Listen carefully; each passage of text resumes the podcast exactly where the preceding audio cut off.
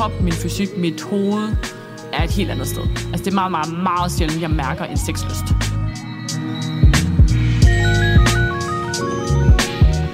Fordi jeg netop har været så meget for det her lille barn hele tiden, og når der så er en pause, så vil jeg bare gerne mærke den, der passer på mig.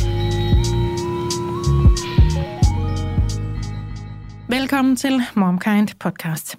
I dag der skal vi tale om sex efter fødslen, fordi, hvornår og hvordan.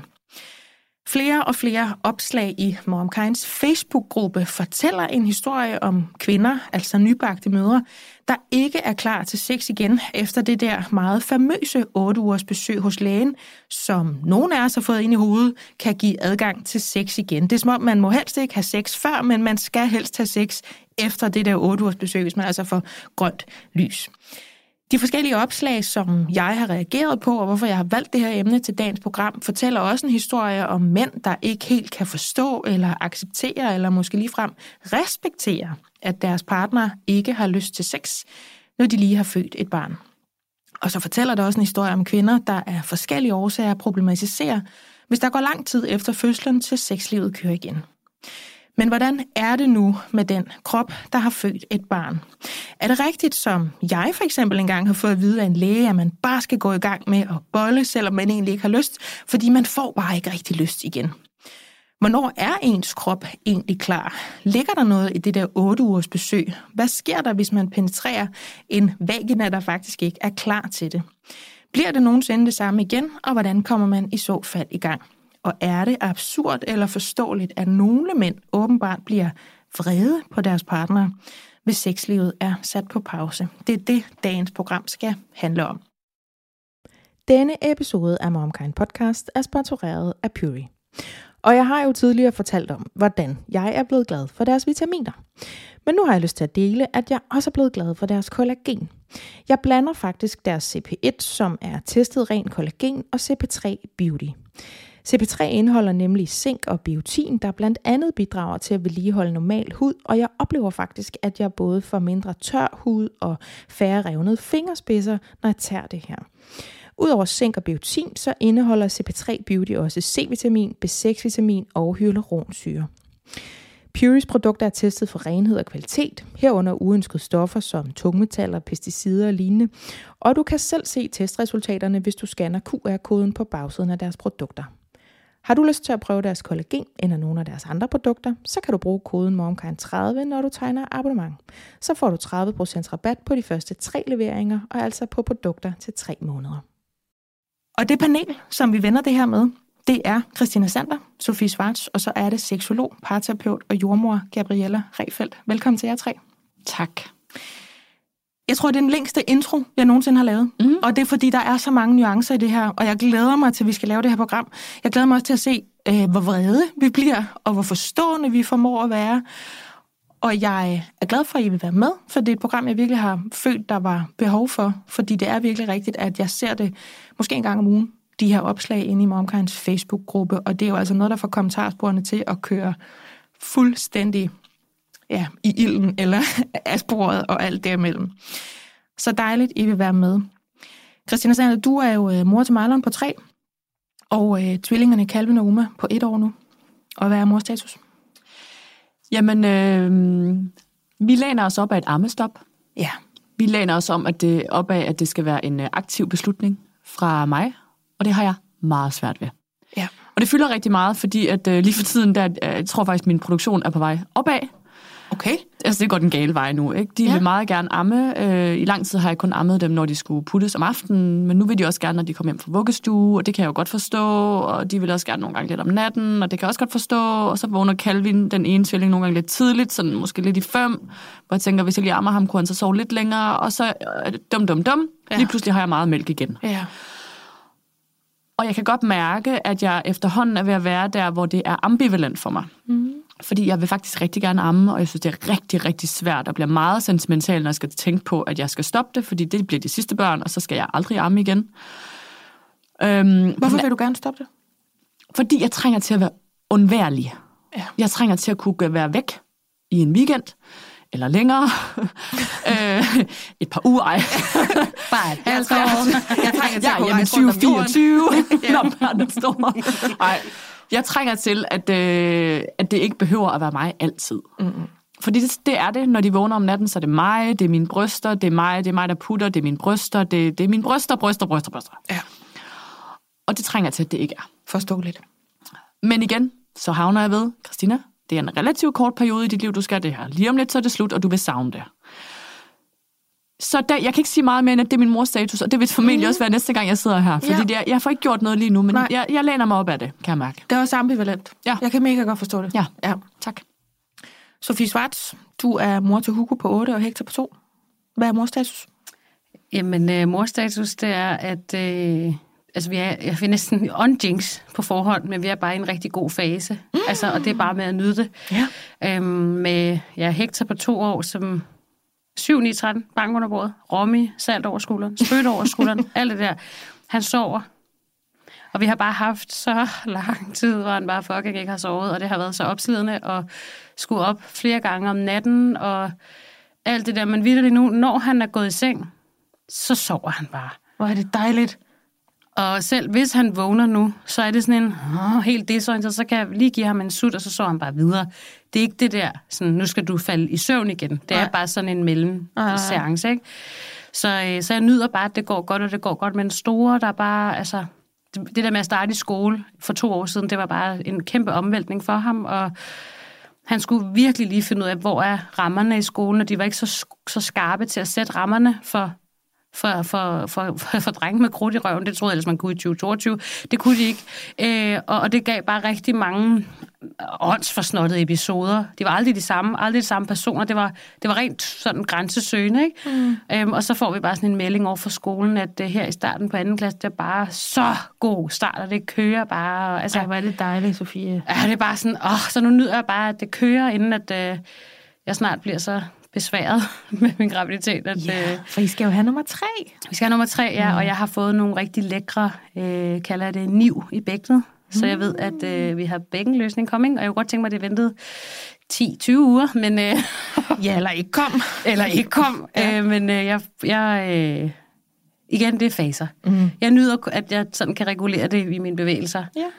og prøver nu at øve Hector i selv at komme ind og ud af bilen, sko af på, alt det der, for jeg ved, lige om lidt, så kan jeg ikke hjælpe på samme måde. Ja, det fik jeg ikke gjort i tid, kan jeg så sige. Så jeg giver bare mig selv mavepuster 28 gange om dagen med en toårig derhjemme. Gabriella, du er jo med for første gang. Hvor er det dejligt, du har lyst til at være med på det her emne. Du har øh, tre børn. Du har henholdsvis Samuel på 23, Maja på 25 og Nina på 29. Lige præcis. Og hvad er morstatus? Oh, hvad mor... Jeg vil snart sige, mormorstatus, den er jeg øh, rigtig, rigtig spændt på. Og det er ikke, fordi der ventes noget, men altså, jeg går og håber på, at der kommer en eller anden melding på et tidspunkt.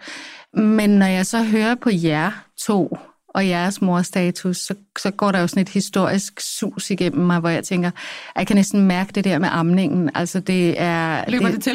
det, nej, men jeg kan næsten tænke mig til det. Ja. og, øhm, og, og, og så, så tænker jeg, åh, I skulle bare vide det der, når de bliver taget politiet for graffiti første gang. Eller man opdager, at, øh, at, at ens navn på deres mobiltelefon hedder Spil Ædru, ikke? Det er vi kommet over. Ja. Øhm, Ah, det er sjovt. Så, ja, men, øhm, men øh, Men børnebørn, det er sådan... det kan jeg mærke, det er et underligt vakuum, jeg befinder mig i. Mm. Altså på den ene side er det super fedt, fordi jeg kan arbejde røven ud bukserne, og jeg skal ikke tage hensyn til nogen, og, og nogle gange ringer de. Øh, og så har de sådan set meget, at de har det ret godt, og de er i gang med deres liv og så videre på en, på en fed måde. Mm. Men jeg kan også mærke, at der er sådan en, en venten i mig, og en underlig frustration, fordi den her gang, så kan jeg altså ikke selv bestemme. Mm. Øhm, Men du vil gerne have børnebørn. det er helt vildt misundelig på det med mine venner, der har det. Ja. Det er jo sådan noget, det, det kan jeg slet ikke... Og, og det er jo fordi, det er ikke det, min hjerne skal lige nu. Jeg er i et helt andet fase af livet, men det der med at forstå, jeg, jeg bliver formentlig mormor en dag. Ja. At det er sådan helt... Jeg glæder mig så meget ikke? til at få børnebørn. Jeg glæder mig sygt meget Men til kan, det. du, kan, du for, kan din hjerne være med til, at Det er det eneste, det er faktisk meget sjovt, at vi snakker om det, fordi det er det eneste, der sådan taler for, okay, Christina, accepter, at dine børn bliver større, accepter, at du skal stoppe med at amme på et tidspunkt, fordi det- du får børn, du får babyer i armene igen, når dine egne børn får børn. når de har Det babyer. kan jeg sådan, seriøst, jeg kan leve på det. Okay, om måske 30 år, så har du babyer i armene igen. Det kan godt være, det ikke er mine egne, men det kan også noget, at det ikke er ens egne, jo. Okay. Det kan det nemlig. Ja. Det, det, jeg kan Ja. sagtens forstå dig. Ja. Jeg tror, min mor havde det på samme måde, indtil vi fik vores, og hun skulle bare hun skulle holde nogle babyer, og det skulle være nu. Ja. Men der er også noget, altså, som næsten umiddelbart føles, føles større, fordi jeg jo ikke kender de babyer nu. Det er det der med at se mine egne børn blive født som forældre. Mm. Det er sådan en, der sådan, altså kuldegysninger, ikke? Ja. Det bliver vildt. Ja. Ej, det bliver så stort for jer. Ja, ja. Det var det i hvert fald for mine forældre, Ja. som jo får lov til at opleve det lige om lidt igen. Mm. For jeg er jo også rigtig meget gravid. Og min morstatus, som lige nu mor til Ellen på to år, er, at øh, vi har smidt sutten. Nå, Ja. Og det er jo sådan meget fra den ene dag til den anden. Fordi Og vildt vi, nok inden lille, lille søster kommer. Ja, ja, og det var også sådan lidt med vilje, vi tænkte, vi, vi skal lige have en periode her nu, hvor den er væk, så når hun ser den på et eller andet tidspunkt, så skal vi ikke have den kamp, fordi så er hun ligesom af det. Øh, og så fordi, at jeg får kigget hende så grundigt i munden og tænkt, altså, der er nok ikke noget, men er der alligevel antydningen til noget? Er vi lidt i gang med den der sutte over mund? Altså det der med tænderne, og hun er, hun er to og et halvt, så det er ikke, altså det er ikke en teenager, jeg har gået med en sutte i munden. Og alt er fint, det skal nok blive fint, det er heller ikke blivende tænder. Men jeg fik bare, jeg fik bare tanken, og det var nok til, at sådan ligesom, det, det er nu, vi stopper nu. Og hun er også med nok op i hovedet til, at det kan vi godt. Og øhm, vi havde første døgn i går uden sut, og så havde vi egentlig lavet den overenskomst. Du må få den, når du skal sove, fordi der må du trods alt gerne være tryg. Øh, og så efterspurgte hun, der må du gerne være tryg. der var du kun der. Øh, og så efterspurgte hun den den ikke engang. Nej. Så hun har sovet uden. Og det er sådan helt, altså, det, igen, det, det, er en meget, det er et stort barn lige pludselig at have, ikke? Ikke en, der laver graffiti, men alligevel et stort barn i... Øh, Men tag den og løb med den. Nu går I ikke tilbage. nej, det kan det vi vil jeg sige, fordi den fejl har vi lavet nogle gange. Nå, men så tager vi den lidt, ej, det var, og så slog han sit knæ, ah, måske, bla, bla, og så blev det sådan en bla, bla, bla, bla, og så Ja. tog det 100 år. Så enten eller. Ja, nu er den væk. Heller ikke om natten måske. Intet. Nu har hun sovet uden, Ja, nu er den væk. nu er den væk. Og der går, ved du hvad, der går en uge, og så er den helt fremmed for hende. Ja. Sådan var det ved Marlon. Jamen, det er det, vi håber han på, fandt en ikke? af sine gamle sutter, og han, det var helt mærkeligt for ham at have den i munden. Ja.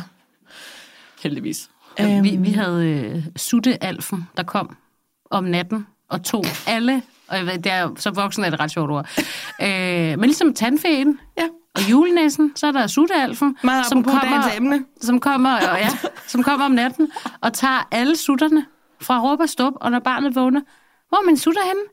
Sutte-alfen har været her i nat, fordi nu er du klar til ja. at leve uden din sut. Ja. Og så stoppede han. Sådan. Ja, jamen øh, hjemme hos os, der er bare mor og far, der bare sagde, nu er det over. Tænk, hvis vi gør det med tandfæen, så... Øh, fra suttealfen til det her emne. det kan ikke gøres meget finere, det her. Sex efter fødslen. Jeg er glad for, at jeg er her. Øh, Jeg tror, det bliver et hæftigt program. Især er jeg glad for, at du er her, Gabriella, så du holder os fagligt på sporet. Det her, det er Momkind Podcast. Jeg hedder Majbrit Maria Lundgaard.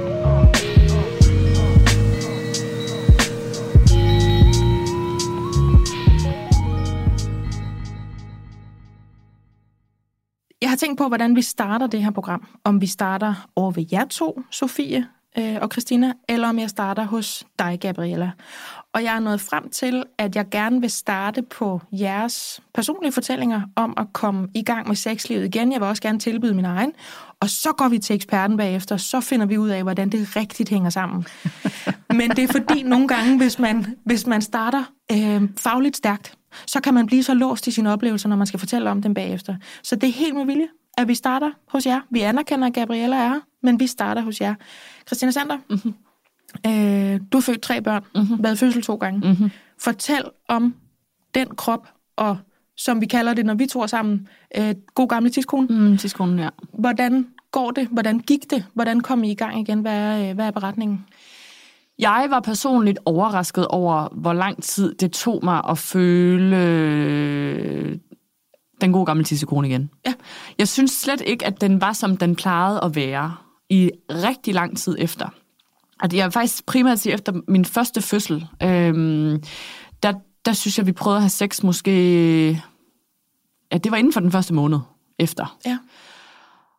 og det var ikke sådan rigtig sexlyst for mig, men det var faktisk mig, der satte det i gang, og det var måske mere en følelse af, at jeg havde behov for lige øh, noget normalitet. Øh, jeg synes, det var rigtig hårdt at blive mor første gang, og alt der rykkede sig, og hele min identitet, der skiftede. Så jeg havde lige behov for at mærke, at noget var stadig, som det plejede at være. Ja. Og så prøvede vi, og så var det bare sådan helt lukket land.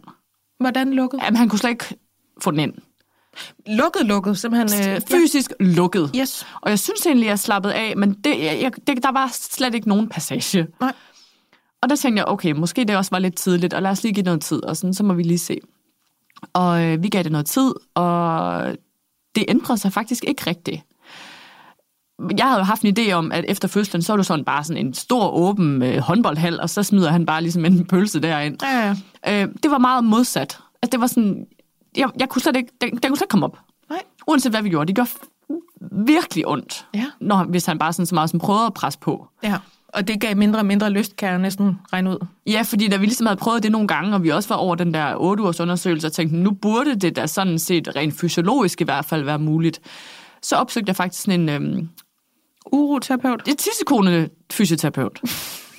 er det ikke det, man kalder det? Jo, men det er fordi... Men det er fordi En gynekolog? Nej, det var nemlig ikke en gynekolog. Det er, det er en, der kan afspænde underlivet, og det er sådan en stilling, man først finder ud af, findes, når man får brug for den. Ja, og jeg har så ikke, øh, du ved, gjort mig den umage at finde ud af, hvad den officielle titel er. Nej, du har, du har kodet hende ind som tidskonelæge. Ja, ja det, jeg tror faktisk, hun er tissekone Lone. Men øhm, hun kunne i hvert fald lave sådan en måling, hvor at øh, hun stak et eller andet, en ting op, og ja. så skulle jeg sådan ligesom spænde om den, Ja. og det viste sig, at min, min bækkenbund var simpelthen så spændt. Altså jeg, kunne, jeg spændte alt for hårdt sammen om den der. Og så skulle jeg så lave nogle øvelser efter det, og jeg fik sådan noget, en eller anden speciel type glidecreme med hjem, som vist også havde et eller andet bedøvende i sig, eller et eller andet. Jeg kan ikke helt huske det i hvert fald. Det var i hvert fald en lang proces, hvor jeg ligesom skulle finde ud af at afspænde i mit underliv igen. Ja.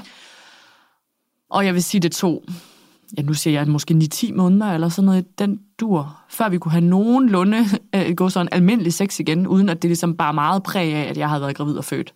Var det efter øh, første barn? Det var efter første barn. Ja. Og lidt det samme har faktisk gjort sig gældende her anden gang, at jeg er blevet meget, meget spændt. Og jeg vil sige, her anden gang har jeg haft meget mindre lyst og trang til at øh, udforske det og undersøge det. Øh, der har jeg været mere sådan, selvfølgelig også i kraft af, at i første gang havde vi et lille barn, nu har vi tre små børn. Og, og, og der kan jeg mærke, at min krop, min fysik, mit hoved er et helt andet sted. Mm. Altså det er meget, meget, meget sjældent, jeg mærker en sexlyst. Det opstår ikke øh, spontant i dig? Aldrig. Nej. Og derfor øh, ved jeg faktisk ikke helt, hvordan det står til. Altså de gange, vi har gjort det efter tvillingerne, det, det har vi måske gjort det 10 gange, efter tvillingerne blev født, og de er et år. Ja. Så der kan man selv regne ud, det er ikke så ofte, det sker. Men øhm, det er sådan okay, men uden at være noget brændende, fordi det sker i en eller anden lur, eller mens de sover om aftenen, eller et eller andet andet, som i mit hoved i hvert fald, jeg er jo kommet meget frem til, at min sexlyst, den opstår meget i kedsomhed. Mm-hmm. Øh, og den følelse af kedsomhed har man bare ikke, når man har tre små børn. Den Nej. er der aldrig. Nej, det kan jeg jeg når aldrig mig. ned i min krop og Nej. mærke, at jeg har lyst til noget, eller lyst til at blive rørt ved. Altså, øh, hvis jeg egentlig har lyst til noget, så har jeg lyst til at blive ladt være. det er nærmere Fred og der, ro. jeg, jeg lader, lad min krop være. Ja. Altså, jeg har brug for at flere lader min krop være mere. Ja. Så jeg er stadig, jeg er stadig kommet der til, hvor min sexlyst er opstået spontant, men nu kan vi fysiologisk i hvert fald gøre det, så nu tænker jeg, at nu er næste skridt, at vi på en eller anden måde skal finde ud af, at jeg får gjort noget for mig selv, som gør, at, at jeg får lysten igen. Ja, for det er jo netop skide godt, det du siger dermed. Der var det fysiologiske, og så er der det psykiske. Fordi det er nemlig også den sondring, jeg godt kunne tænke mig, at vi lige har i det her program, fordi begge dele er lige vigtigt. Ja. Om der er lukket, lukket, eller om der er lukket, fordi der var lukket op i hovedet. Ikke? Ja. Øh, begge dele er, er lige øh, validt. Øh, bestemt jeg lige og kigger over på Gabriella, som nikker og siger, det må jeg, og thumbs, Thumbs up. up, yes. Det må jeg godt sige. Ja. Godt. Øhm, Sofia? Kan ja. vi få, øh, før var det morstatus, så øh, vil jeg lige ved at sige, kan vi afkræve en underlivsstatus, eller hvordan, hvordan er det gået de to gange? Du har jo altså øh, to børn, og har været i vaginalfødsel en gang, og fået et akut kejsersnit anden gang. Ja, øh, og øh, jeg vil sige, vi har sådan, det har altid været meget sådan øh, central del af vores forhold, altså at, at have meget sex. Øh, vi sådan, hvis vi er nede på en gang om ugen, så, så synes vi, det er for lidt, begge to. Ja. Øhm, og, øh, og det er ikke sådan noget med, "Øh, nu skal vi bare gang igen. Det er mere bare sådan en, ah, nu er det gået syv dage, det, det, det går ikke, eller sådan. Og så tror jeg sådan, at efter fødsel, så... Øh, så har jeg nok oplevet det modsatte af mange andre. Jeg har bare cravet den der kontakt med Rasmus. Altså, fordi jeg netop har været så meget for det her lille barn hele tiden, og når der så er en pause, så vil jeg bare gerne mærke den, der passer på mig. Øh, og altså det har jo i starten, der, jeg tror måske, der er gået 10 eller 14 dage efter fødsel begge gange. Ja. Øh, med kondom selvfølgelig, for hvis man bløder, så er der infektionsrisiko af det ja, her, ja. som du også ved noget om, Gabriella. Ja. øhm, og så ligesom når blødningen er færdig, og man er blevet tjekket, så kan man øh, tage den uden gummi og med anden prævention, mindre man gerne vil være gravid igen. Ikke? Mm. Øhm, og så, øh, så har det bare været sådan en... Øh, altså bare haft brug for den måde, han er gået til mig på som, som ny sårbar mor. Man er jo sådan åben på en måde, på mange måder, når man lige har født. Øh, mentalt, fysisk. Øh, det hele står ligesom åbent, et åbent sår nærmest, at det, man bløder mælken og tårerne og ja. det hele. Man vil alt, bare, alt løber til og frem og, man, og ud. Og... Ja, altså, og, og så for mig har den, den fysiske øh, omsorg været lige så dejlig og vigtig og nødvendig for mig, som den praktiske, altså det der med, at han skærer et fad op med grøntsager og kommer med det, når jeg ammer, så græder man af det, ikke? Jo. Og så om aftenen, så, øh, så bliver man bare mast lidt. Altså, fordi nu, altså, fordi nu har man ikke ah, er, det det, er det det, I kalder det? Skal vi gå ind og mase lidt? nej, nej, det er, når man skal få lokum. Men Nå, det der med sådan... Men det der med sådan, at der bare ligger den her store mand oven på en, at man, altså for os, fordi jeg har, min mave har fyldt rigtig, rigtig meget i mine graviditeter, så der har hele den der med bare at ligge tæt altså krop mod krop, det har kun været muligt i ske. Mm. Så det der med, at ej, nu er der ikke den der mave, nu kan jeg bare mærke det, sådan, jeg kan mærke det hele, hele vejen ned, og det har bare været, ja, det har bare været så dejligt og vigtigt, og øh, som sådan, ja, sådan en, det, det er sådan, vi fungerer rigtig godt, og ja. Rasmus, han er, han er fandme bare en drømmemand på det plan, altså fordi han, han, det er ikke sådan noget med, så, tju, hej, så skal den bare have, så, så møder han mig bare lige der i den der, sådan sårbarhed og forsigtighed, og det, kan man, det har jeg i hvert fald rigtig meget brug for, lige når man har født, og bare mærke den der, altså også måske selv sige, ej, tag det, jeg har brug for, at du tager det stille og roligt, og så mærke, at det bliver omfavnet. Og, Men det lyder ja. også som om, du har haft en ret hurtig, ret god øh, heling Altså, at du øh, fysiologisk har været klar til det, fordi øh, mentalt og psykisk kan vi jo godt høre, der kører det bare. ja. Men at du kropsligt har været klar til det, for det er jo også en stor del ja, det af det. Synes, altså, jeg har altid haft kolossale hemorrider efter fødsel og sådan noget. Syv timer med pressevejr, det går man altså ikke gratis igennem på den konto, vil jeg sige. Det koster altså nogle røvrutiner. Men, men der er det jo bare at sige, at jeg har ikke lyst til doggy og noget bagfra, fordi det forstyrrer mig, at du kan se det der Altså blåbær ja. eller jordbær, hvad størrelse det har, ikke? Hvis der så... er nogen, der sidder og relaterer benhårdt på den her, scroll lige ned i dit afsnitsfeed på Momkind Podcast, for vi har lavet en, en helt, altså et helt afsnit, der kun handler om de der øh, røvrosinerne, som jeg kalder dem. Det er et rigtig godt afsnit. Find lige det med hemorrider, hvis du sidder og tænker, det skal jeg lige høre noget mere om. Ja, sådan, ja. Og, og det har bare været, fordi der vil jeg ikke kunne slappe af, fordi det vil forstyrre mig, at han sådan, ja. nå, hvad det, eller sådan noget, ikke? Jo, jo. Øhm, og så også noget med, ja, jeg har der har aldrig været noget sådan. Det kan huske første gang, jeg havde født. Det var vaginalt. Der var jeg meget ops på, sådan, om det føles normalt, netop fordi der er den her lidt udskammende til snak om, om altså, at det er håndboldhallen, man kaster en pølse ind i. Ikke? Altså, øh, at det er jo sådan en... Altså, det er jo, du er ikke ødelagt dernede, fordi du har født vaginalt, men jeg har oplevet, at Rasmus faktisk havde rigtig meget lyst til mig, efter at have set, at jeg kunne det der. Det var som om, at at jeg kunne levere noget så, altså det der barn til ham, som han jo bare, at det var virkelig stort. Mm. Selvfølgelig for mig, men især også for Rasmus at blive far, fordi han ikke selv har sin egen far. Så det var kæmpestort på mange niveauer for ham. Så det var som om, da jeg havde født, han havde bare sådan en, og det har han haft lige siden, sådan en stor hengivenhed til mig, og sådan en, what? Altså, kan tænk, du tage en krammer med hjem til Rasmus fra mig? Muligvis fra os alle sammen. Ja. Fordi jeg ved præcis, hvad det er for en snak, du snakker ind i. Det der med, når så bliver man bare helt løs for neden, og øh, jeg, jamen, jeg har så stor en tissemand, jeg er nødt til at være sammen med en, der har født jokesene, som jeg også har hørt på, fordi vi alle sammen er fra en periode, hvor man gerne måtte fortælle sådan nogle historier om hinandens kroppe, uden at det var en stødligt eller øh, voldsomt eller noget som helst forkert. Ja. Så jeg ved godt, hvad det er, du øh, taler ind i. Ja, men så i hvert fald bare sådan det her med, at altså, så sige, altså, jeg, jeg føles det det samme for dig? Hvor han var sådan, jeg kan sgu ikke mærke nogen forskel. Mm. Okay, sådan, det var lidt usikkerheden, ikke? Mm. Um, men det er også derfor, så... det er så godt, at det er jer to, der er panelet i det her afsnit, fordi I har en vidt forskellig oplevelse, og jeg relaterer personligt mest til din, Sander. Vi skal jo også lige høre mit underliv, inden vi skal over til eksperten. Ja, du skal altså lige prøve med dit underliv. Men det skal jeg, fordi jeg kan ikke sidde her og gemme mig bag værtsmikrofonen, og det skal jeg heller ikke. Øh, jeg endte jo også med et akut kejsersnit, og det gjorde jeg, fordi øh, vores første barn stod skævt. Og det vil sige, at hun lavede en myose nede i underlivet på mig, i den side, hvor hun stod og hamrede ind i 14 timer, mens jeg forsøgte at have udvidelsesvejer, som hun ikke hjalp mig med. Og det er derfor, jeg ved, at det hedder en uroterapeut, for jeg var der jo også, og jeg fik fuldstændig den samme besked som dig. Du har et overaktivt øh, bækkenbund eller øh, underliv. Alle de der formaninger omkring bækkenbundsøvelser, dem skal du arkivere lodret, og så skal du i stedet koncentrere dig om at spænde af. Mm. Øhm, vi to har også stået på et tidspunkt langt væk fra de her mikrofoner og fortalt hinanden om og man kunne lave sig tyk i maven, mm-hmm. og man kunne slappe af på en bestemt måde, og man kunne øh, have knæene ned på hver sin side af madrassen på en bestemt måde, og man kunne holde luften ned i maven på en bestemt måde. Alt muligt for at gøre det mindre øh, smertefuldt. Så den fysiologiske del for mig, der, det var bare lukket land. Altså det, det fandtes bare ikke. Øh, samtidig med, at det ikke meldte sig psykisk hos mig, fordi jeg var øh, det, jeg har kaldt for udrørt. Altså der var, der var øh, mange krav til min krop, følte jeg. Øh, og det var meget intenst for mig at arme, og jeg var jo også, det giver sig selv, meget medtaget efter det her akutte kejsersnit. Jeg har først været i fødsel i, øh, i en halv dags tid, og så endte jeg med et akut kejsersnit, som jeg kom mig fint fra, men det kan vi lige så godt være ærlige at sige, det gør alle tår. Det, der får man ligesom smerterne på bagkant, kan man sige. Ikke? Øhm, så det har taget lang tid, og vi er stadigvæk ikke tilbage på et niveau, hvor jeg vil sige, er vi rigtig tilfredse med det, nogle af os. Til gengæld så har vi så meget andet, at vi faktisk ikke rigtig problematiserer det. Og lige om lidt skal vi have et, et barn igen, og så må, vi, altså, så må vi være nogle sexaber på et senere tidspunkt i vores liv. Lige nu der er det bare ikke det, der, der fylder mest. Øh, og jeg, jeg tror sgu, vi knaller endnu mindre, end I gør, Sander og, vi, og det er bare ikke en samtale. Altså, vi elsker hinanden 100 km i timen, men vi har ikke det der sådan, så krammer vi lige ekstra lang tid, imens pastavandet koger, mm. eller sådan noget. Ikke? Det, det er der, vi er.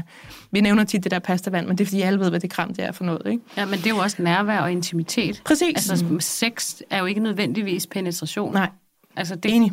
Det kan jo lige så vel være det dybe kys over pastaen, der var 30 sekunder, fordi et samleje kan sagtens være 30 sekunder. Mm. Eller altså... man kan vinke til hinanden ude i haven. Det er der sgu ikke mange, der har fået gas med. nej, nej. Kan vide, hvordan det er. Kan vide, om de har ændret det siden sidst.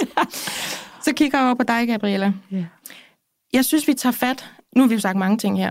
Øhm, jeg synes, vi tager fat med det samme i den der 8 ugers undersøgelse, som jeg kan se inde i Facebook-gruppen. Den går igen.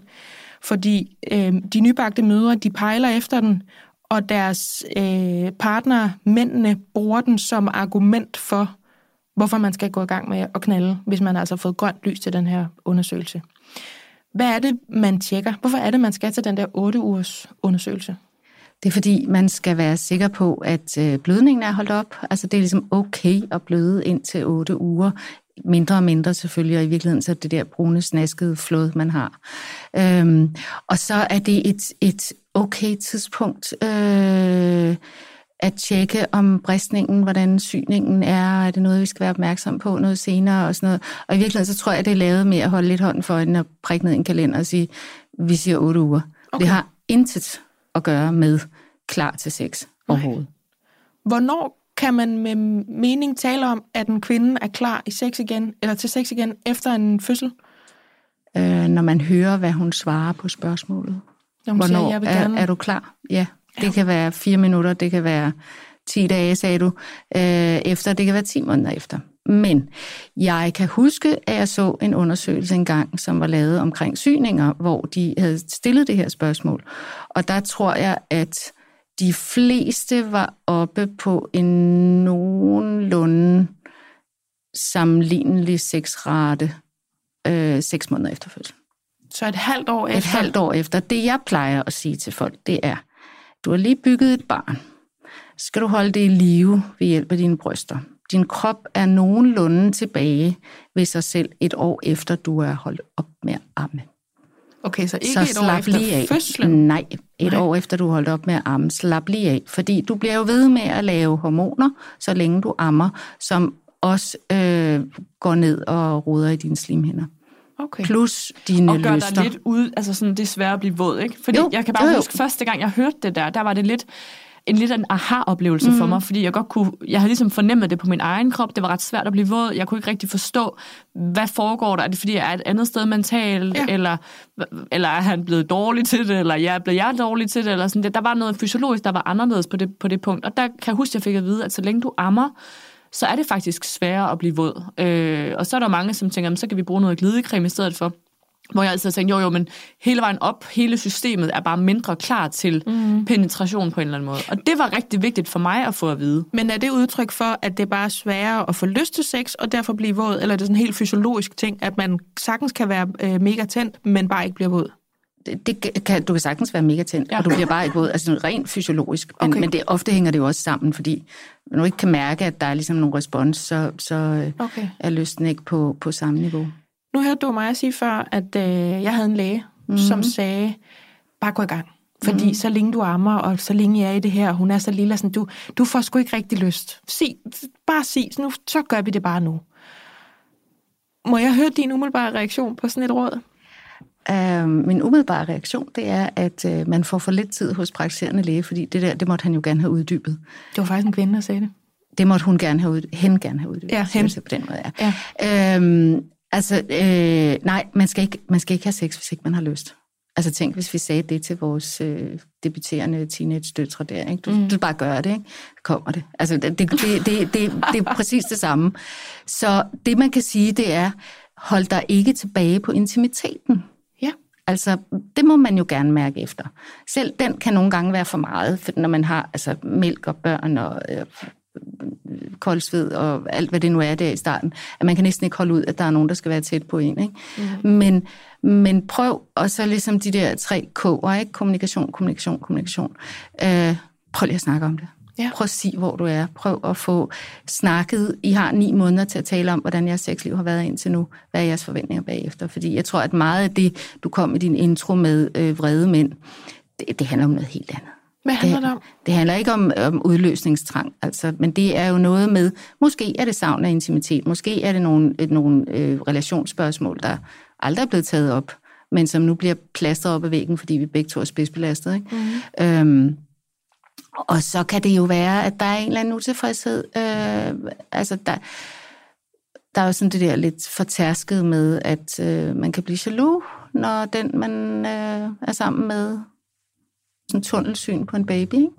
Øhm, at det så bliver sådan noget, hey, hvor er jeg henne i det her, jeg er bare skaffedyr, bla bla bla. Altså der er i det hele taget en kæmpe ligestillingssnak, som jeg tror, vi mangler i alt det her, uh, øh, far har fået barsel, ikke? Mm-hmm. Fordi os, der bliver gravid, det er stadigvæk os, der føder, det er stadigvæk os, der bygger de der børn, og det er stadigvæk os, der skal, jeg må sige, øh, bygge os selv op efterfølgende igen, ikke? de der vrede mænd, dem har jeg jo virkelig prøvet at være rummelig overfor. Jeg har siddet, som jeg tror majoriteten af dem, der har set de her øh, forskellige opslag øh, i Facebook-gruppen, og selvantændt fuldstændig. Fordi min, min umiddelbare indskydelse er jo, hvad fanden bilder jeg ind? Altså, hvordan kan du sige til en kvinde, der lige har givet dig et barn, og har været gravid, og har født, og hendes krop er ændret sig, hormonerne kører, alt fra mælk, tårer, blod altså, og andre ting står ud af hendes krop. Alarmberedskabet er i gang, det hele kører, det her lille menneske skal holdes i live, og alt det, som os, der sidder her, og formentlig langt de fleste af dem, der lytter, godt ved, hvad er, at nu skal du penetreres, fordi ellers så bliver jeg utilfreds. Hvad tænker I? Altså, ja, det er næsten et retorisk spørgsmål, men hvad tænker I om, om sådan nogle opslag om kvinder, der søger en, en søsterlig opbakning til at afvise deres mænd? Jeg tænker, at man kommer meget kort ved bare at affeje dem som idioter. Øh, og det synes jeg generelt i sådan nogle fora, at man skal være meget forsigtig med. Altså at afvise mændene? Øh, ja, og afskrive dem som idioter. Ja. Og jeg synes, kvinder er meget hurtige til at afskrive hinandens mænd som idioter. Ja. Og det har jeg nogle gange været sådan lidt på barrikaderne omkring, fordi at, øh, det kan også gøre, at kvinder har svært ved at tale om deres øh, parforhold, når det går dårligt, fordi at så er veninderne bare sådan skrid fra idioten. Øh, det, det er en ting. Det, det, er, det er det der kommentarspor, ja. øh, sådan mekka, som nogen de bare sådan indulger i. Og jeg er fuldstændig enig med Gabriella. Jeg, min oplevelse er også, at når det der er tilfældet, at hvis manden er utilfreds, eller hvis manden håber, eller kræver, eller ønsker sig mere af den skuffe, så synes jeg, man skal lade være med at sige, du er også bare en idiot, og jeg har kræftet med bla bla bla, og kan du ikke se min krop, og så videre. Mm. Men i stedet for at gå ind i det, og være sådan, hvad er det, du ønsker dig? Er det fordi, du trænger til at komme? Eller hvad er det, du har brug for? Lad os gå ind i det med nysgerrighed. Fordi når man går ind i ting med nysgerrighed, så er det meget sjældent, at personen viser sig at være en fucking idiot. Der er næsten altid et eller andet, man kan grave frem. Og jeg synes, at især den her snak om sex efter fødslen, der kan det godt være, at, at, at at, bike, at hvad hedder sådan, linjerne er meget hårdt skåret op. Kvinder er på den her måde, og mange mænd er på den her måde. Og de skal fandme også bare forstå, og kan de da ikke se, at vi har leveret et menneske og sådan noget. Mm. Men det er jo, vi bliver jo aldrig mere forskellige på en eller anden måde, end i den periode, hvor kvinden er gravid og føder og ammer, og manden, han gør ingen, altså hans krop gennemgår ingenting. Han bliver selvfølgelig far, det gennemgår han. Men der, der bliver lige pludselig en skævvridning, hvor jeg synes, vi skal prøve at have meget stor forståelse for hinanden. Øhm, og jeg har også arbejdet meget med for eksempel Michael. Han, han har fundet sig meget mindre til rette i farrollen, end jeg har i morrollen. Og der kunne jeg også meget nemt have afskrevet ham som en idiot. Hvorfor føler du dig ikke tilpas alene med tre børn? Hvorfor kan jeg være alene med tre børn og bare få det til at fungere, og jeg har antennerne ud konstant, og jeg kan høre en, der taber sutten i den anden ende af huset? Mm. Hvorfor kan du ikke det? Hvorfor vågner du ikke om natten? Er du en idiot eller hvad? Mm. Og der har jeg bare tænkt meget over, prøv at vende den om og gå til ham med nysgerrighed. Jeg kender hans forældre. Han er ikke opdraget som en idiot. Jeg synes heller ikke, han var en idiot før. Han er formentlig ikke blevet det nu. Så lad mig prøve at finde ud af, hvad det er, der foregår. Og det er lidt det samme her. Altså, hvis du har meget mere lyst end mig, og jeg afviser dig, hvad er det så for en følelse, det skaber i dig? Du sagde det her med, hvad er det, du har brug for? Altså, har du brug for at komme, eller hvad, hvad handler det her om? Gabriella, hvis nu man spørger sin mand om det, og han, altså, han så siger, ja, jeg har brug for at komme, og jeg vil gerne øh, penetrere dig, jeg vil gerne have det sexliv, som vi havde før. Og man ikke kan give ham det. Altså, det er jo der, den kører i hårdknud. Ja, det er det. Ja, og fordi, når det ikke bliver respekteret. Når det ikke bliver respekteret, det er mere det, altså med vreden, fordi man kan jo godt sige, altså man kan jo godt spørge sig selv, har jeg lyst til at få lyst? Ja, jeg savner at have lyst, men det har jeg altså desværre ikke. Øh, så, så, så skat, ved du hvad, øh, jeg elsker dig, jeg giver dig et handjob. Fint det, det må ligesom være, hvad du... Hvad du Konkret råd. Ja, hvis, hvis, ja, ja, eller også går du ud og ordner det selv, hvis du gerne vil have kigger på det. Ja, fint. Vi køber et abonnement til en fræk hjemmeside. Men, men, men det, det, er, det er jo et par, der har kommunikationen i orden. Altså, hvor, hvor man kan sige det. Ikke? Ja. Det, det, det, der gør mig sådan lidt uff, ikke? fordi jeg kan godt huske, hvis jeg virkelig graver efter, hvor meget eller hvor lidt overskud man har, når man så sidder der og lige har født, til at være forstående over for endnu en person, mm. som faktisk er den, der skal tage sig af mig. Og så bliver jeg, øh, hvis man nu sådan øh, indtager et feministisk synspunkt. Det må vi gerne. Det må vi gerne. Så siger vi, okay, men hvad er det for en vrede, der ligger så latent mod kvinder i det hele taget? Hvorfor er den så let antændelig? Hvorfor, hvorfor bliver det vrede? Altså, det kan være frustration. Der er jo kæmpe stor forskel på en eller anden, som siger, jeg vil bare komme, og jeg savner at rave på dig. Mm. Det, dejligt fint. Det, der ligger stadigvæk en kærlighedserklæring ja. øh, i det. End ham, der, der bliver vred og ikke respekterer og forlanger, øh, eller går ud og smækker med døren, eller øh, smider pastagryden på gulvet. Ikke? Altså, ja. det, der er en kæmpe stor forskel på den der vrede, hvor du skal fikse det her. Øh, jeg har en ret. Og den er bekymrende, synes jeg. Det, det, er en, det er en bekymrende vrede, som jeg synes, man skal forholde sig til. Og der var rigtig mange, der forholdt sig til den vrede i de her forskellige kommentarspor, fordi det var jo sådan lidt, altså jeg har ikke valgt et bestemt opslag her, fordi jeg synes, det er for det første, er det anonyme, der slår det her op. Øh, de sådan forskellige på den måde netop, at, at nogen det er kede af det partner, frustrerede partner, og så var der et par stykker, hvor de var vrede, og så var der et par stykker, hvor at det blev brugt som en form for sanktion, eller altså næsten trussel, men om du vidste jo, at jeg gerne øh, vil have et meget aktivt sexliv, og det vil du ikke nu. Hvor synes du, det efterlader os? Altså, hvor man næsten er blevet hævet ind til sådan en sex-mus-samtale, fordi man ikke altså, har lyst, ikke? Jeg synes, og det her det er en samtale, vi har haft derhjemme, det er også en samtale, jeg har forsøgt at føre på sociale medier og i det hele taget i det her morregi, som jeg beskæftiger mig rigtig grundigt med, at der ikke er noget mere stressende i hele verden, end ikke at have lyst, og så ligge ved siden af en person, der har lyst. I jeres tilfælde, Christina, så kan det jo lyde som om, I er ret enige om, hvor den skal ligge henne. Mm, ja og nej. Altså, det er klart mig, der trækker den ned. Ja. Øh, klart mig, der trækker den ned. Og Michael vil gerne mere. Men, men øh, han har en vis forståelse for det, og han er jo selvfølgelig også træt. Og så har jeg også talt enormt meget med ham om, at hvis vi skal knalde søndag aften, så starter forspillet mandag morgen. Der starter du med at skulle hjælpe mig og antænde, antænde min lyst. Mm. Altså, det nytter ikke noget, at vi snærer lidt af hinanden og tærer lidt på hinanden øh, mandag, tirsdag, onsdag, torsdag, fredag, lørdag, og så vil du bolde søndag. Mm. Sådan fungerer det ikke.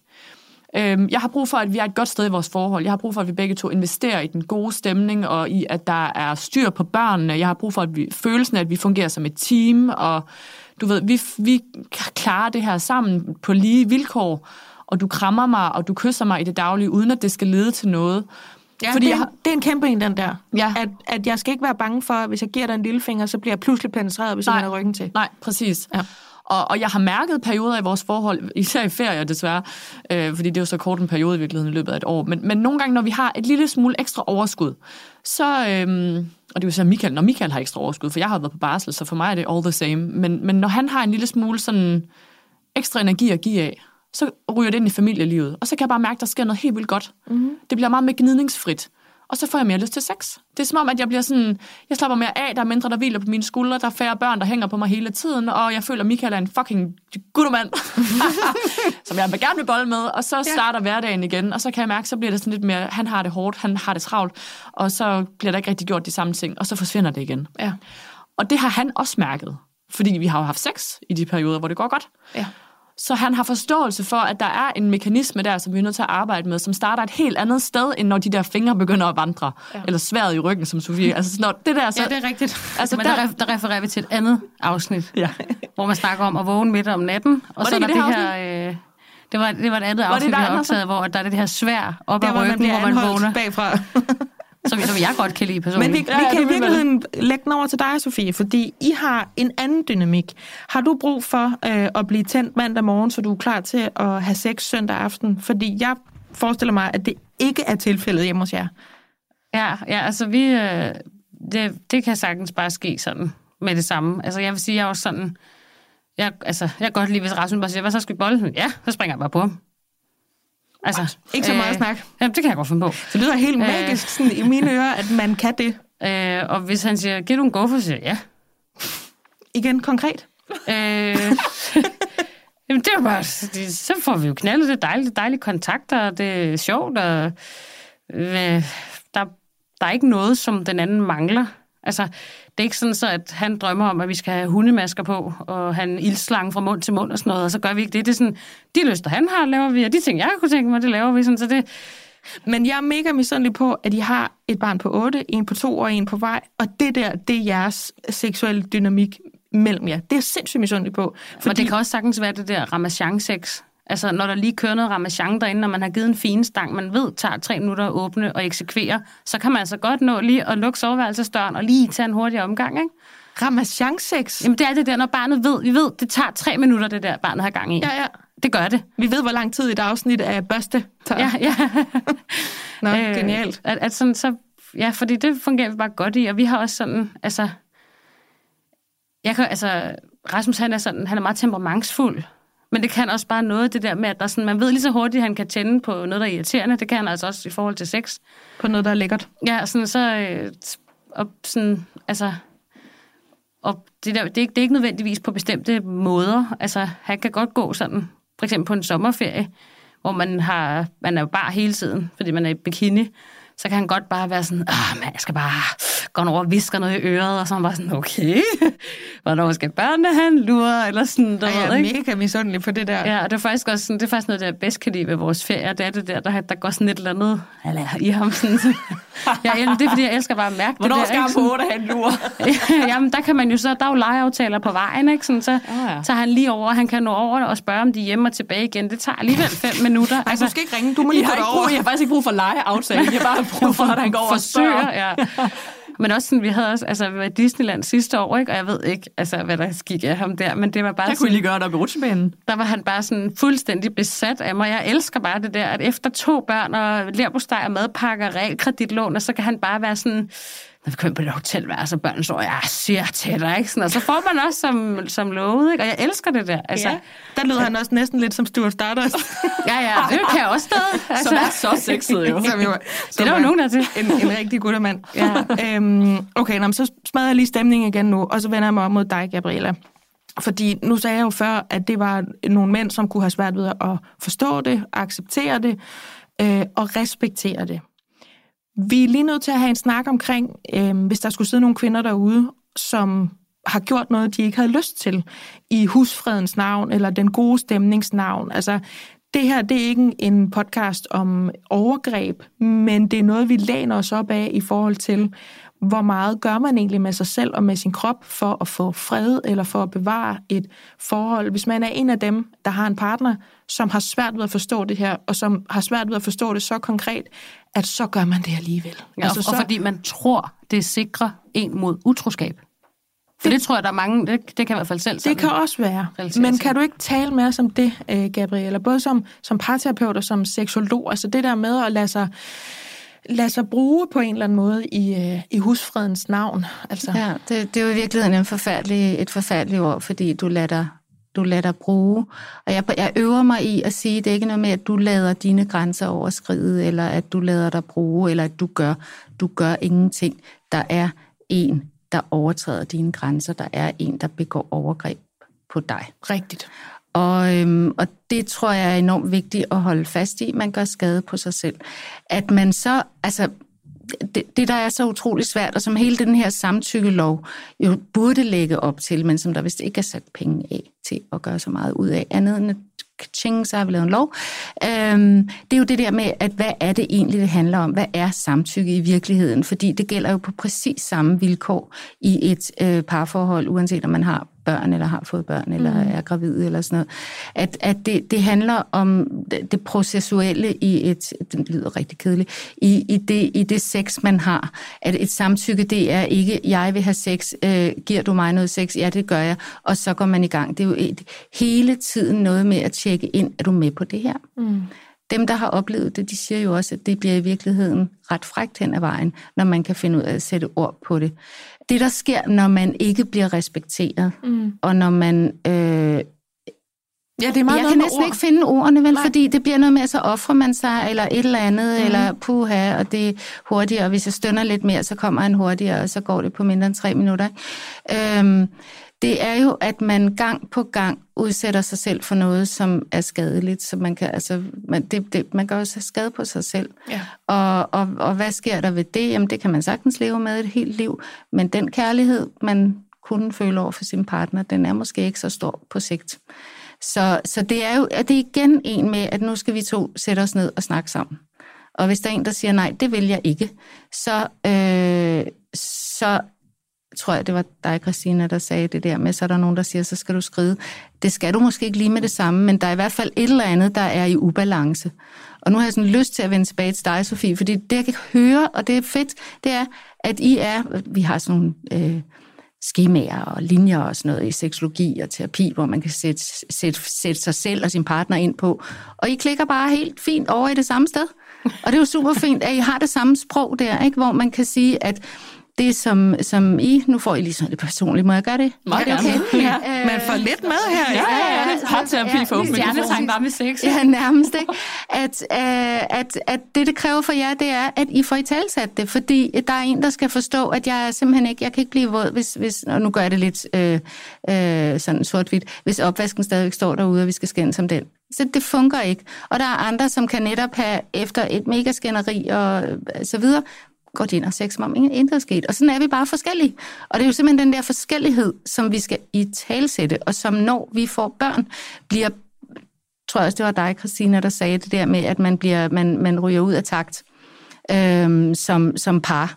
Og det gør man fra det sekund, den der, øh, det der æg har, har snappet en sædcelle til sig, mm. fordi så skrider man jo, så, så, er, så er man som kvinde foran på point. Man er ni måneder foran, og han har rigtig meget, han skal indhente og samtidig kommer man aldrig til at forstå, hvad det var, der skete. Ikke? Så, så man, er, man er i ubalance, og det er simpelthen det der med at sige, jeg kan ikke forstå, hvad det er, du siger, men jeg respekterer det, og jeg accepterer det, og jeg vil gerne møde dig i det, ikke? så er man jo et godt sted i sit parforhold. Hvis ikke man er så heldig som dig, Sofie, hvor I næsten ikke engang behøver at sige det, I, I knaller bare. jeg vil sige, jeg, jeg kan så også godt tænke, at hvis nu Rasmus ikke havde samme behov mm. som mig, altså hvis, hvis han var sådan på jamen vi kan bare bolle igen om et par måneder. Ja. Altså, det, det kan, jeg kan næsten ikke forestille mig, ja. altså at have et, et, et samliv på den måde. Nej. Øhm, så jeg forstår også godt dem, der skriver om det, fordi det er jo så bare lidt med omvendt foretegn, Ja, ikke? Altså, ja. at man jo også, der er også, der er også en helt snak om idealer i det her. Du skal bare tilfredsstille din mand, og du til for ham, og hjerte, hjerte, hjerte. Og så kommer man i en situation, hvor man bare kan mærke mentalt, kropsligt, jeg skal ikke røres. Mm-hmm. Altså, det var min veninde, hun sagde også, hun havde hun havde lyst til at få lavet en tegning af en decideret episode, de havde derhjemme, hvor at hun ville gerne knalde. Men samtidig så var hun også bare med ammebarn og pisser lort, hvor hun vidderligt stod bøjet ind over et barn i en eller anden højstol, som, eller et, et, et, barnet var på en eller anden måde, så hun kunne stå foroverbøjet eller i sengen, et eller andet. Hvad fortæller du nu? Og, så, amme. og amme. og så kom han Imens. bagfra. Og så kommer han bagfra Jeg bare- og giver jeg- hende jeg en kan tur, forudse det. hvor hun bare sagde, det var jo, så fik vi lige knaldet hak ud for det, men hun sagde bare, det der med, at der er bare nogen, der vil have min krop hele tiden. Og hun har vidderligt lyst til at få lavet en illustration af det, fordi hun siger bare, det er essensen af at blive mor. Det er bare, kom og brug min krop. Også selvom man har lyst til det, ikke? Men det er den der følelse af, er der, er der andre, der skal have noget her i servicebutikken, inden jeg kan få lov at få fucking fred, ikke? Altså, øh, hvor den kan jeg jo godt genkende det der, altså at man nærmest lige har ammet, og så, ui, så skal vi lige noget andet, ikke? Og så skal vi tilbage, ikke? Og, Jamen altså, også, jeg, jeg vil sgu også sige, også selvom man ikke lige har ammet, fordi den her snak tror jeg også angår, altså nu hedder det her sex efter fødsel, men i hvor lang tid efter? Altså jeg ved i virkeligheden ikke, hvor vi skal sætte den bagkant. Øhm, her mod slut har jeg også lyst til at være lidt opbyggelig, øh, og måske også slutte sådan på et lidt mere øh, muntert grundlag, Gabriella. Min læge sagde jo altså det der med, bare gå i gang, fordi så, så kommer lysten. Du får ikke lyst til dig selv. Den, den, det skal være responsivt, eller er det ikke det udtryk, man Jo. bruger? Altså, kan, kan vi sige noget, hvis der sidder nogen derude, og ikke har lyst, men har lyst til at få lyst? Hvad, hvad, kan, man, hvad kan man gøre nu og her, havde jeg sagt? Hvad kan man gå i gang med? Jamen, altså det der... for- For det første bliver jeg lige nødt til at tage fat i den der med, at vi, vi skal virkelig aflive den der med, at sex det er det samme som penetrerende vaginal samleje. Ikke? Ja. Altså fordi det er ligesom om, det er det, vi taler os frem til. Og der er nogle skøre slimhinder, og det gør ondt, og det bløder lidt, og man føler sig for stor eller for lille, eller hvad man gør. Ja. Også igen lidt fortærsket, sex er så meget andet. Øhm, at man kan godt gå i gang på at have lyst til at få lyst. Så er du i virkeligheden længst, meget, meget længere. Øh, det er fint nok. Det, det kommer, så har man jo en tro på, at det kommer. Ja. Men så kan man jo godt sætte nogen sammen med sin partner, hvis det er vedkommende, man vil have sex med, lave nogle aftaler, der hedder, jeg er simpelthen bare ikke klar til at, øh, at få den ind i Ja, mig ja. nogle steder lige nu. Men jeg vil rigtig gerne være tæt på dig. Det afskrækker mig ikke at have svært i ryggen, var det det, du sagde? Ja. øh, fordi det er, jo, det, er der, fordi hvis man ikke får sagt det, så bliver det noget med, at man får sværet i ryggen, og så be- begynder man stille og roligt om aftenen lige at sådan køre dynen ned under, så man ikke kan mærke det. Ikke? Altså, så, så laver man afstand. Men det der med, hvis man kan få talt, det er fint nok. Ej, hvor er det fedt, jeg kan mærke, du har lyst. Eller har du i virkeligheden lyst? Eller er det bare fordi, du kan mærke mig, at du ligger sådan? Ja. Øhm, så, så man er super langt. Og så, så igen den der, hvis vi nu skal spænde en ende på, at øh, jeg sagde, at det tager tid. Altså, jeg, jeg synes, giv, giv, giv jer selv lov til, at det er okay at afvente lidt. I har lige bygget et helt menneske. Altså det der med, at man skal være så hurtigt tilbage, og at man skal være sig selv igen, det, det bliver man jo ikke. Man bliver aldrig sig selv igen efter at få børn, fordi... Så bliver man en, noget nyt. det, jamen, hvis ikke det ændrer ens liv, hvad ændrer så ens liv? Ja. Altså det, det er ligesom, og, og lidt til de der store øh, eksistentielle sætninger ind, og give sig selv credit for det. At det er helt okay. Men det er jo det, der Øhm. er så djævels på en eller anden måde ved, at den her podcast, den henvender sig til kvinder, til mødre, og det er formentlig dem, altså ja, 99,9 procent, correct me if I'm wrong, Majbrit, mm. der kommer til at høre det her. Jeg ville ønske, at vi kunne lave en til mænd, for det, er jo, det, det, det, det, er lyder som om, af det er mænd, der har brug for at høre det her. Der er nogle af dem, der afspiller det? det for deres mænd. Det håber jeg, jeg, at de gør. jeg får besked om det, at de, så sender de det på på Sonersen, når de sidder på toilet, eller Ja. ja. i sommerhuset. eller i sådan bilen på vej på... noget. Ja. Yes. Og så hører de det sammen. Og så så skal, og så skal mændene bare ikke være sådan, hvorfor kan du ikke være mere som Sofie? Det er der jo nogen, der heller ikke gider. Jeg siger, "Hold kæft mand, det vil jeg slet ikke kunne overskue. Altså, Men altså, jeg vil sige noget af det, der har hjulpet for os, hvis jeg også bare lige skal komme med et øh, lille råd, og Ja, jeg tror faktisk, du. jeg har måske givet det en anden øh, episode også på et tidspunkt, men, men jeg havde det nemlig sådan der, jeg har virkelig ikke lyst til penetration. Mm. Det er virkelig det, jeg har ikke har lyst til, fordi jeg har oplevet nu gang på gang, at det er svært for mig, når vi kommer dertil. Så er det som om, at jeg føler et pres, og jeg er der ikke helt, hvorfor kan den ikke komme ind, og det gør lidt ondt, og jeg, okay, prøv at mase lidt af for helvede, stop med at mase. Og så bliver det noget rod. Men så bliver det bare værre og værre. Og så bliver det værre, og så får jeg mindre og mindre lyst, og så skal yes. jeg Yes. tvinge mig selv mere og mere og mere. Ja. Der har jeg jo sagt til, øh, til Michael, jeg vil rigtig gerne være tæt med dig. Jeg vil faktisk også rigtig gerne have sex, og jeg vil gerne føle den der intimitet, men jeg har brug for at gøre det uden penetration, og jeg har brug for at gøre det uden presset og forventningen om penetration. Så hvis du kunne have lyst til for eksempel bare at slikke mig, og så Konkret? var det bare det, så kan vi rigtig godt det. Og det har vi sådan indført, og nogle gange bliver det til mere, og nogle gange bliver det gengældt, og andre gange så gør det ikke, og, og det har faktisk hjulpet os begge to. Og det har hjulpet rigtig meget for Michael også at opleve, fordi jeg tror, at der er rigtig mange mænd, som selvfølgelig forbinder, altså sex er lige med penetration. Ja. Det er det, man ser fra pornoen, det er sådan, de er opdraget, eller ikke, måske ikke så meget, da de var børn. Nej, jamen, jeg er helt med på, hvad du mener. Det er hele den idé, man har om sex, og jeg Det tror at især, penis skal ind. Penis skal ind i en skede eller et eller andet, ja. før det er samleje. Ja. Og der tror jeg, at, at rigtig mange mænd også har gavn af at opleve, at sex kan være noget andet. Og det kan godt være, at det ikke er lige så tilfredsstillende for ham helt fysiologisk. Men hvis man gerne vil bevæge sig et sted hen, så er man nødt til at tage nogle små skridt derhen af. Og det er i hvert fald det, der har hjulpet for os. Jeg er fuldstændig enig. Ja, jeg, så- jeg, jeg behøver ikke at sige noget, fordi det er det, der foregår hjemme hos os. det er bare det der. Du markerer, Sofie. Ja, kan sidde med eleven her med hånden op.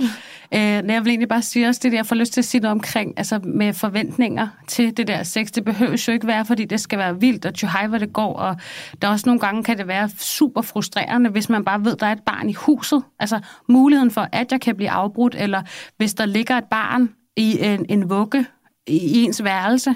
Bare det at, det, at det kan være så forstyrrende, hvor at, jamen, det er jo muligt at rykke ind i sofaen og tage en omgang. Det kan faktisk være rigtig dejligt som dame at sidde ovenpå, mens han sidder i en sofa. Eller at hvis barnet er i en lift, hvis det er så småt, skulle jeg til at sige, så lille et barn, så kan du tage liften op af din krybbe eller vugge og lige sætte den ind på, på spisebordet. Og så er der lige fred og ro derinde i et par minutter. Eller over til naboerne. Eller ind til naboen, kan I lige kigge efter. Det er kun 30 sekunder, Rasmus han er hurtigt, så er det fint. øhm, men sådan, og, og vi, vi sådan, jeg kører meget med det her, at sådan, man hopper lidt ind og ud af roller, når man er mor.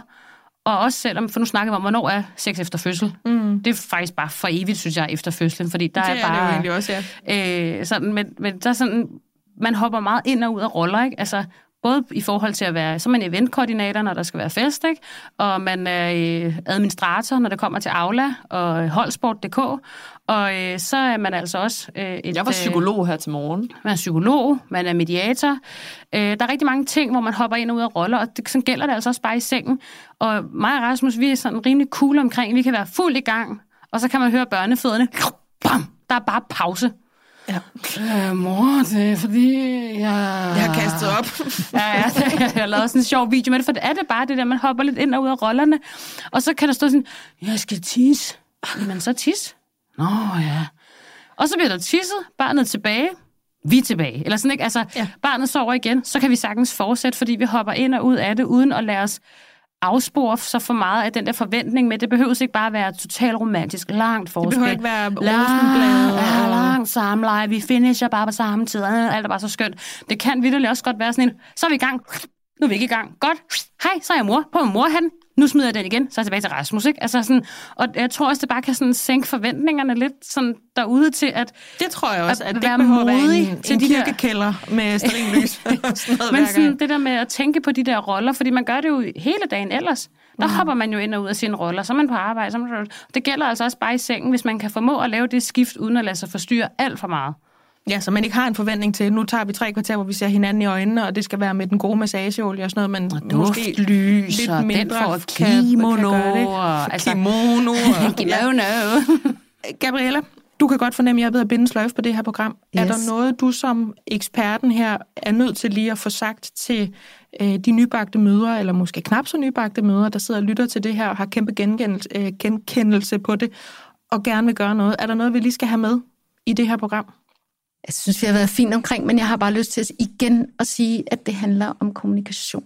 Ja. Og det fungerer ikke uden. Og så har jeg også lyst til at sige, at man skal slække kravene til sig selv, fordi det synes jeg er noget af det, jeg oplever allermest af, at man, at man, man skal så utrolig meget på alle fronter, og, og man har været vant til, hvis vi nu skal tale om generationer, at når jeg øver mig rigtig meget, eller hvis jeg anstrenger mig rigtig meget, så bliver det rigtigt. Ja. Og sådan fungerer det altså ikke, når man er blevet forældre.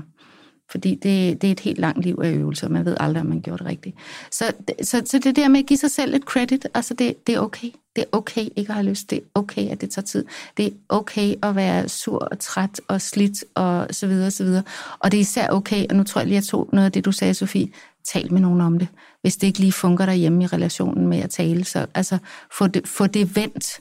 Få de fora, hvor det er. Find de fora, hvor det er okay ikke at være på toppen, ikke? hvor man ikke skal præstere. Det forum, som Momkind har, for eksempel. Ikke? Præcis. Ja. Jeg tror, jeg vil lukke den her. Vi kan jo snakke om det her for evigt. Vi Jeg kommer sikkert til at besøge det igen, det- og det kan vi alle sammen, og det er derfor, vi er her foran de her mikrofoner. Tusind tak, Gabriella Refeldt, for det første til dig, fordi du vil være vores øh, faglige støtte her. Hvis man sidder og tænker, det her det er jeg nødt til at orientere mig dybere i, så kan man på MomKinds hjemmeside finde en artikel, der handler om lige præcis det her, og er skrevet af Gabriella. Så øhm, ind og led efter den. Til Christina Sander og Sofie Svarts, tak fordi I var med i dag. Tak fordi du måtte. Det her det var MomKind Podcast. Jeg hedder Majbrit Maria Lundgaard.